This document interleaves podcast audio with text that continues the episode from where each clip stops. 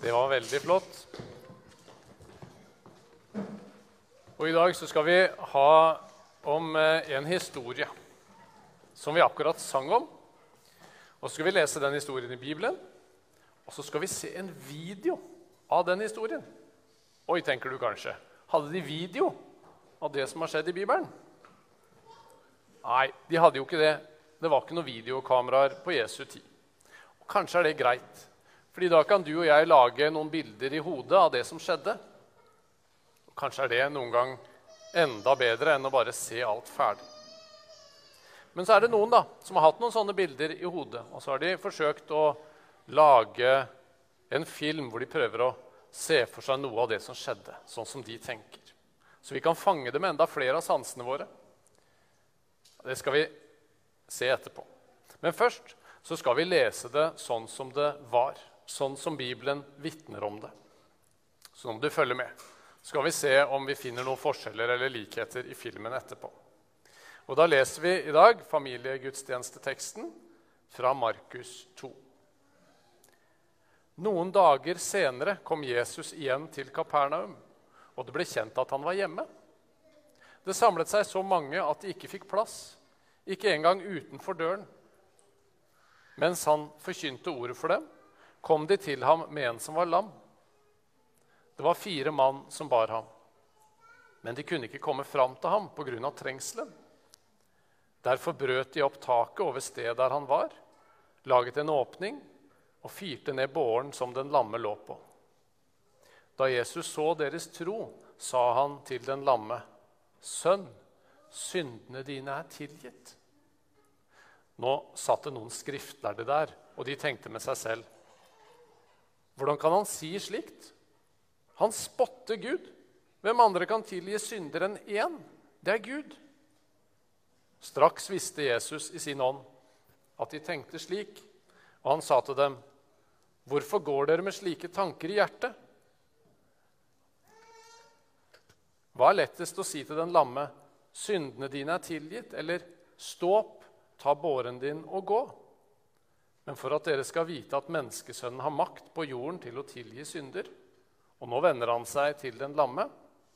Jeg sier deg, stå opp, ta båren din og gå hjem. Og mannen reiste seg, tok straks båren og gikk ut rett for øynene på dem, så alle ble ute av seg av undring. De priste Gud og sa, noe slikt har vi aldri sett. Det var teksten. Da skal vi se en liten film, et lite klipp fra dette her. Og tenk på er det noe dere kjenner igjen? Er det noe dere legger spesielt merke til? Da ser vi et lite klipp.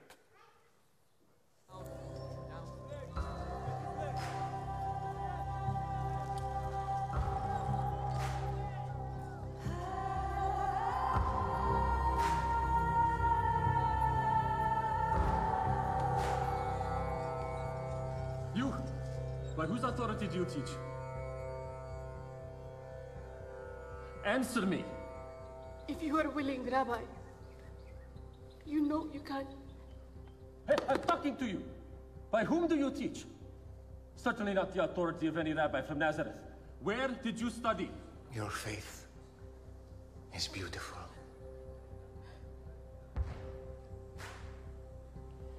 Son, take heart. Your sins are forgiven.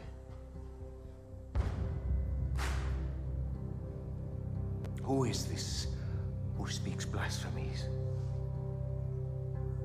Who can forgive sins but God alone?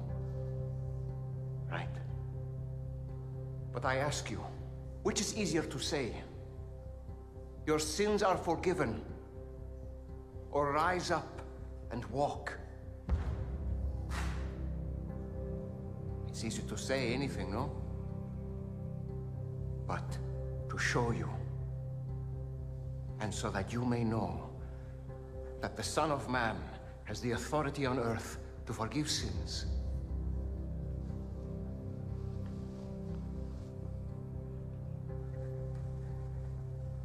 I say to you, my son, rise. Pick up your bed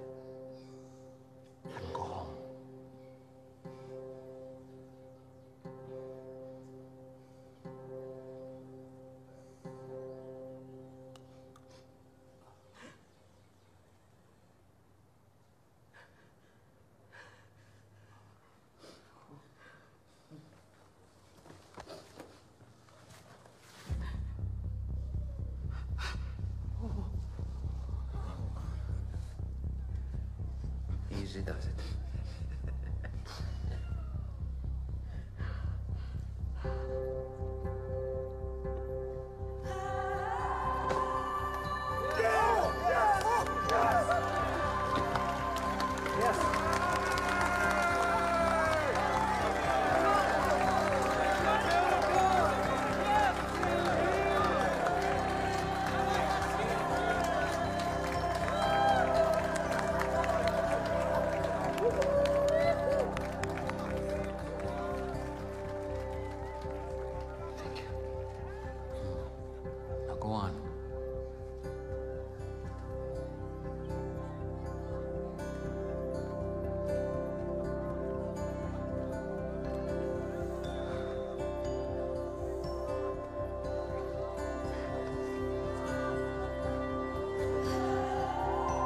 Hey, it's Dallas. Kjente dere igjen noe fra den teksten vi leste? Så dere noen skriftlærde, f.eks.?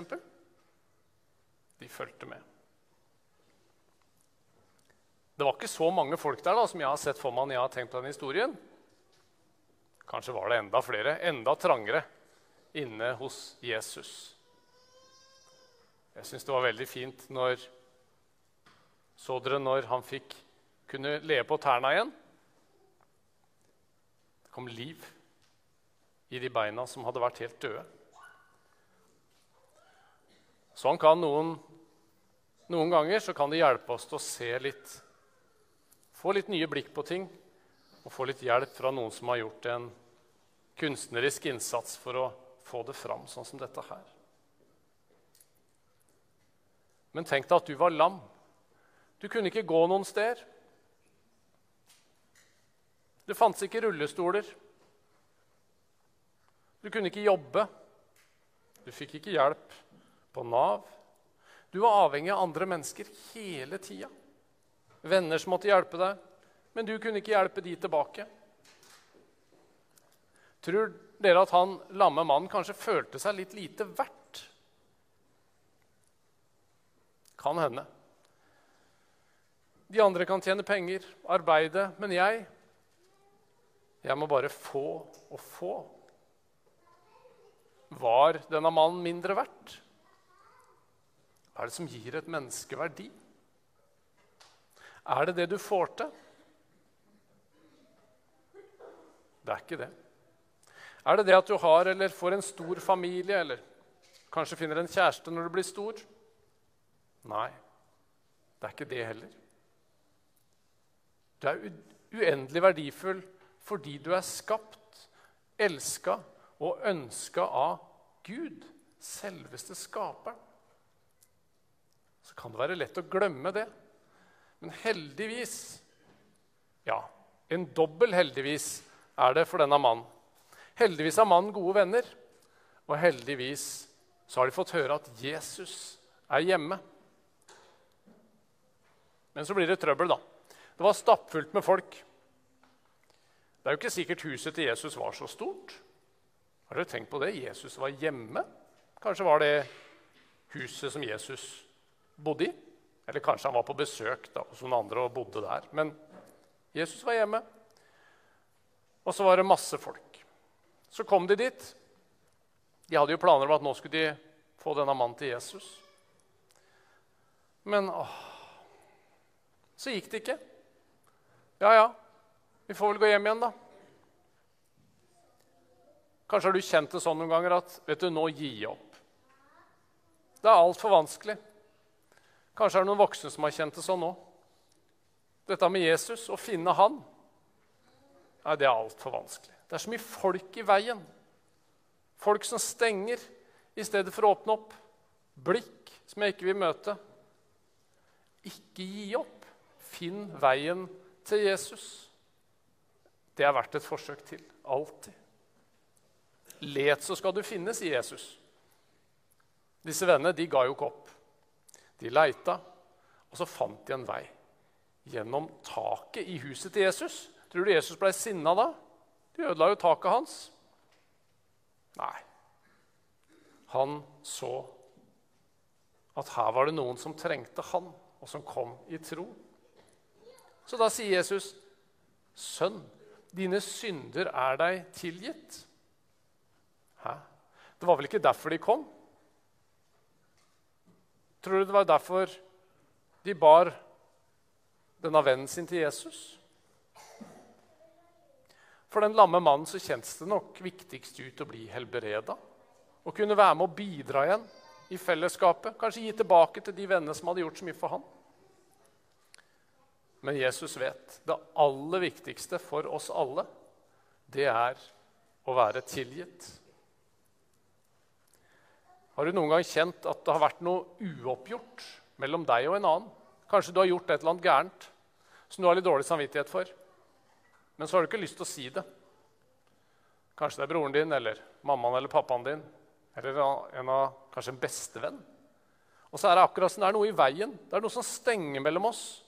Vi kan liksom ikke være fullt ut glade sammen og åpne, for det er et eller annet vi ikke har sagt, som vi vet vi burde ha sagt. Kanskje bare du har lyst til å gjemme deg under dyna i stedet for å si det til noen. Er så trasig med det som er uoppgjort. Og Jesus vil iallfall ikke at det skal være noe uoppgjort mellom deg og Gud. At du må liksom rømme fra Gud og gjemme deg under dyna. Husker dere noen som forsøkte å gjemme seg for Gud en gang? Er det noen som husker en historie?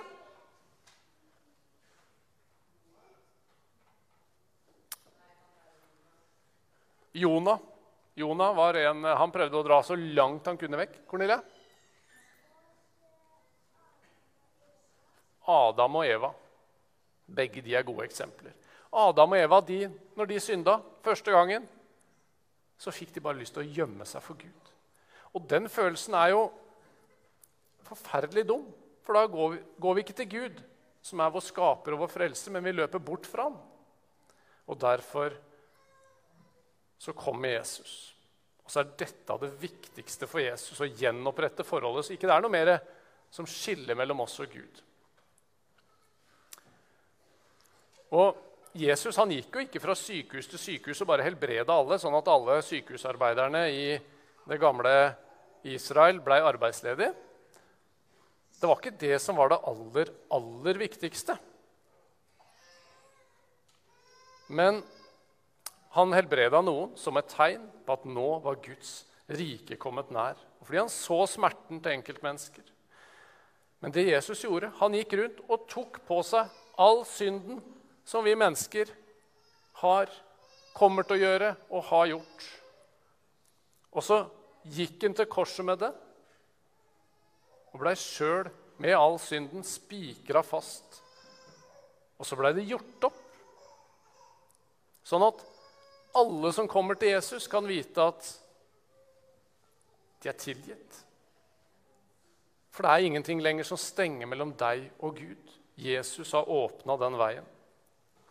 Og da kan du be til Gud, du kan klage til Gud, du kan rope til Gud. Både i glede og i sorg.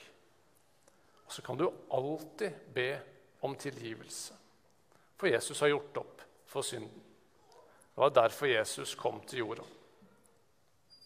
Og så har Jesus også gjort klart et liv i himmelen for oss, på en ny jord. Sånn at vi ikke alltid skal være på jorda hvor det jo kan skje ganske vonde ting. De helbredelsene Jesus gjør, det er som om de peker mot, fram mot det.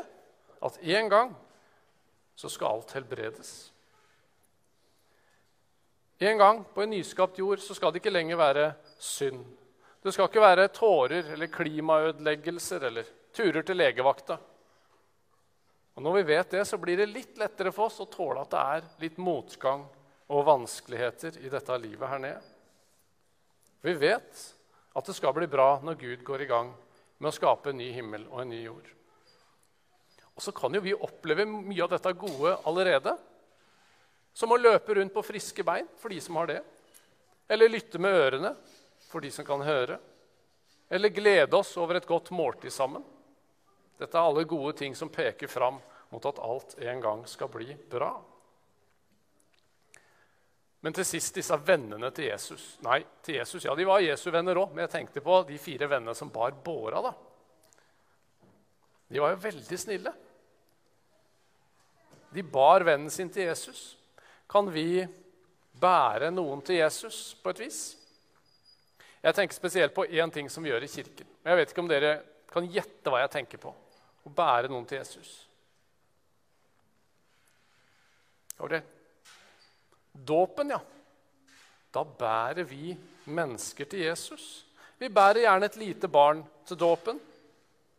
Så barnet skal komme til Jesus, bli tilgitt, få troens gave. Det er egentlig det samme som skjer da. Jesus sier, 'Dine syndere er deg tilgitt', og sier til barnet, 'Gå ut, gå ut i verden, trygg. Gud er din far.'